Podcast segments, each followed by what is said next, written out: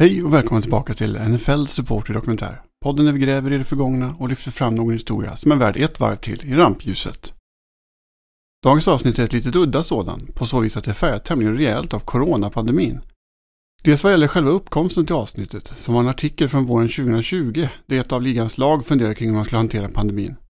Men även när det kommer till själva inspelningen som försenas av diverse begränsningar som funnits i samhället. Förseningarna gjorde dock att avsnittet blev allt mer aktuellt på ett konstigt sätt. För medan vi jobbat med avsnittet har en av huvudpersonerna i historien lyft fram i rampljuset genom att han under 2021 valdes in i Hall of Fame. Normalt sett brukar våra amerikanska vänner vara väldigt duktiga på att hylla sina hjältar i tid.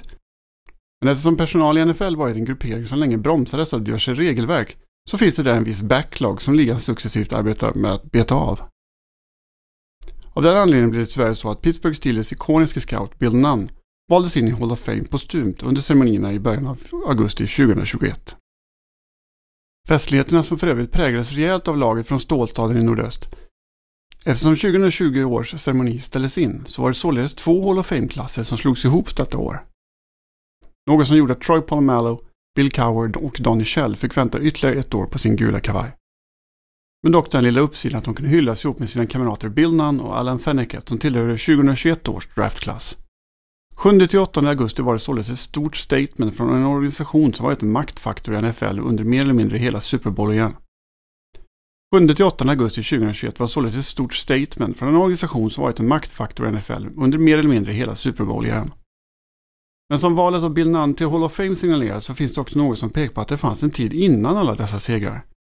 En tid då Steelers inte var en maktfaktor i ligan. Snarare tvärtom. Idag ska vi således ta oss tillbaka till 1960-talet och bekanta oss med en organisation som bestämde sig för att de bandmässigt skulle ta sig tillbaka till toppen av ligan. Nyckeln dit tycktes enkel. De skulle bli bäst i landet på att scouta spelare och sedan bygga laget genom draften. Således började man rekrytera personer som visserligen hade ett stort sinne för talang, men som skulle skörda sina största framgångar genom att helt enkelt ha ett öppet sinne.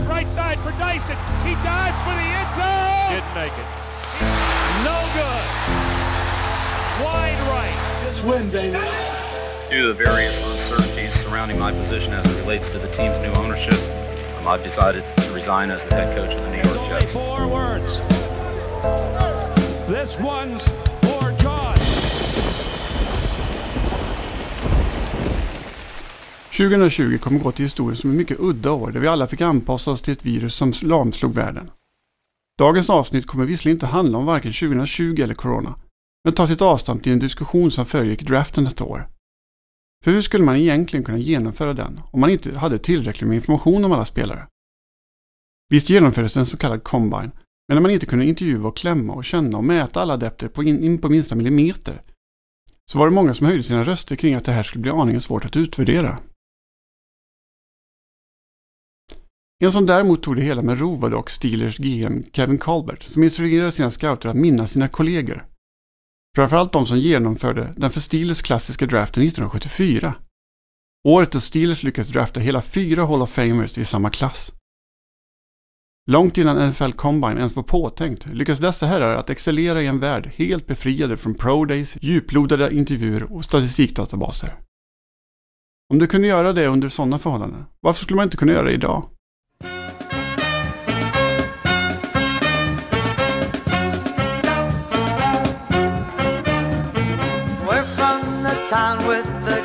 Football team. We cheer the Pittsburgh Steelers. Chuck Mall and all his friends are all on the beam. Go out and get them Steelers. När vi idag blickar tillbaka på Steelers historia så är det med stor respekt och vördnad man gör det. Men trots alla pokaler i prisskåpet så ska man minnas att även Steelers haft dåliga år. Mellan 1933 och 1969 hade man endast fem säsonger där man hade vann fler matcher än man förlorade. En lätt härdande period för alla Steelers-fans onekligen. 1965 fick då ledningen nog av dåvarande coachen Buddy Parker. Parkers filosofi var att använda sina draftpicks till bytesaffärer runt om i ligan.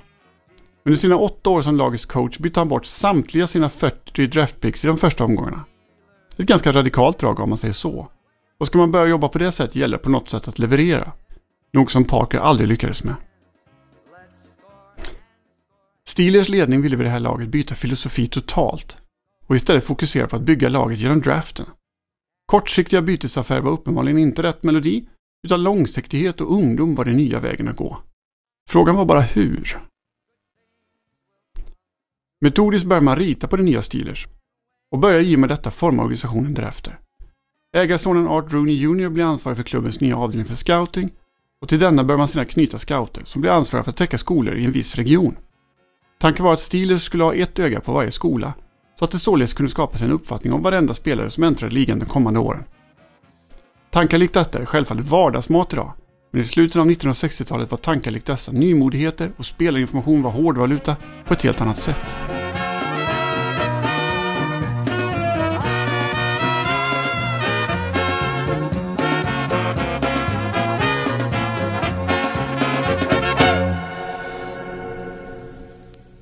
Bland alla de rekryteringar som gjordes var det några som skulle sticka ut rejält och som snabbt kom att tillhöra den innersta cirkeln tillsammans med Rooney-familjen när det kom till att forma laget. Den mest uppenbara biten anställdes 1969 i form av den nya coachen Chuck Noll. Noll var vid tidpunkten ligans yngsta HC, men hade redan lyckats göra sig ett namn inom NFL. Dels genom sina år som spelare, men framförallt under sina första år i ligan som coach under Don Shula i Baltimore Colts. En period som till och med hade tagit honom till en Super Bowl. Den berömda Super Bowl 3 om ni minns, där Joe Namath cementerade sin plats i historien. För er som vill veta mer om den så rekommenderar vi ett tidigare avsnitt som heter Joe Namath och Nattklubben. Chuck Noll satte sin prägel redan från dag ett då han samlade laget och vänligt men bestämt, eller ja, åtminstone bestämt, deklarerade för laget att han minsann hade listat ut varför laget underpresterat så pass rejält under de senaste åren. Anledningen var mycket enkel. Alla i rummet var helt enkelt för dåliga för att överhuvudtaget representera laget framöver. Utan att gå händelserna allt för mycket i förväg så kan vi säga att noll kom att få rätt. Vid utgången av 1974 års säsong var det bara en handfull spelare av dem som bevistade det här ödesdigra första lagmötet som fortfarande spelade i klubben. Chuck Nolls filosofi vad gällde lagbyggen var föga förvånande helt i linje med Steelers ledning och siffror var inte hans melodi alls. Han poängterade därför noggrant för sina coacher att han gav blanka fan i hur lång eller snabb spelaren var. Det enda han ville veta var om spelaren var bra. En filosofi som visserligen kan tyckas som en klyscha, men som kommer att sätta sina tydliga spår i organisationen framöver. Detta genom att de kommande årens stjärnor hade det gemensamt att de inte alltid hade måtten som de andra lagen letade efter, men som trots allt dominerade på sin position. De kanske var lite för korta, de kanske var lite för långsamma, men de var bra. Enligt Noll byggs lag genom draft och inte genom bytesaffärer. Om Nolls företrädare var extrema med sina affärer så var Noll den raka motsatsen. Noll gjorde helt enkelt knappt några affärer med andra lag.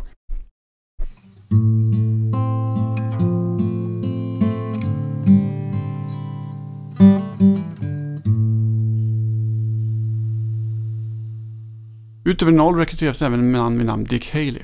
En före detta Steelers-spelare som efter avslutad karriär tog klivet in på kansliet i Pittsburgh. Några av er kanske reagerar på efternamnet. Och Dick Haley är mycket riktigt pappa till Todd Haley som även han tjänstgjort inom Steelers organisation.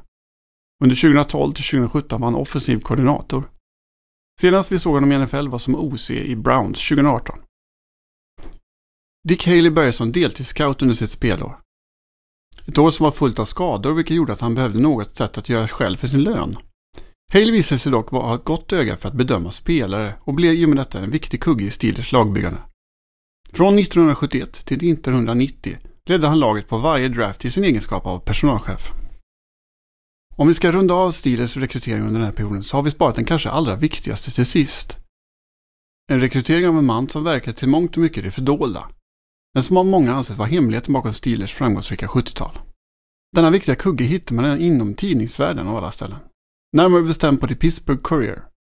En tidning som genom åren hade växt till en av de största i USA när det kom till den afroamerikanska befolkningen. Bill Nunn var en före detta basketspelare som efter karriären hade valt att följa sin fars fotspår och bli sportjournalist på The Pittsburgh Courier. Yrkesvalet föll sig tämligen naturligt och han visade sig snabbt ha en fantastisk förmåga att studera och få kontakt med idrottare. Kanske hjälpt av att han själv var en god atlet en gång i tiden. Men med tiden växte uppdraget och under 60-talet hade han helt enkelt övertagit faderns tjänst som redaktör när denne drog sig tillbaka. Som sportredaktör på en av USAs största tidningar hade Bill Nunn självfallet oerhört bra koll på amerikanska idrottare. Och framförallt afroamerikanska sådana. Oavsett om det rörde sig om Muhammad Ali, Jack Robinson och Joe Louis så var Bill Nunn där med sin penna och block och intervjuade dem. Men det var inte detta arbete som gjorde att Steelers fick upp ögonen för honom. Utan fanns bevakning av den amerikanska fotbollen. The Pittsburgh Courier hade nämligen satt sig själva på kartan genom att det årligen utnämnde ett All-star-lag inom vad som kallas för HBCU.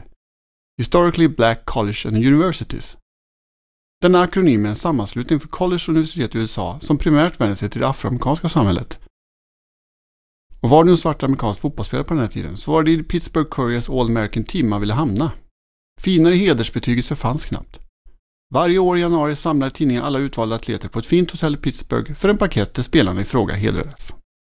Ur Steelers perspektiv så erbjöd Bill Nunn något speciellt genom sitt vida nätverk på de afroamerikanska skolorna. Vita scouter var oftast ointresserade av dessa skolor. Man gjorde visserligen besök även på dessa, men det var svårt. Och inte sällan drog det sig för besökare då det kändes lite avigt. Inte för att relationen mellan svarta och vita är helt oproblematisk idag, men på slutet av 1960-talet var det inte bättre. Motsättningar mellan svarta och vita i samhället var ingen ovanlighet. Att då som vit man bege sig till dessa skolor var inte helt oproblematiskt. Och om den vita scouten trots allt bevistade skolan, så var oftast atleterna lite avigt inställda till den vita gubben som stod där och hängde jämte fotbollsplanen. Vilket gjorde att det var svårt att bygga en vettig relation mellan spelare och scouter. Bill Nunn hade inte dessa problem.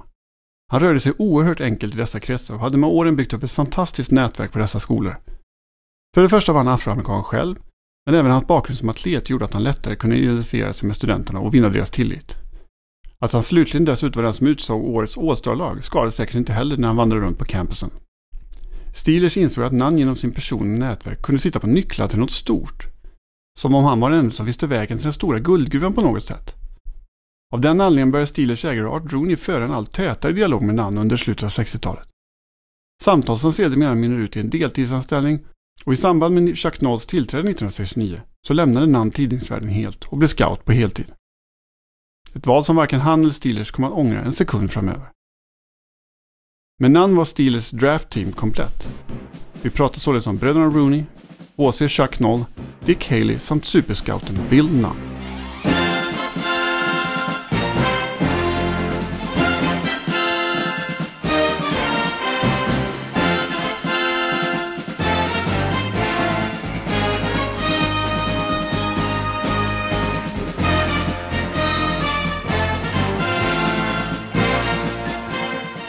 Det var alltså med den här personalen som Steelers lyckades med konststycket att drafta hela 10 stycken framtida Hall of Famers i de kommande sex drafterna.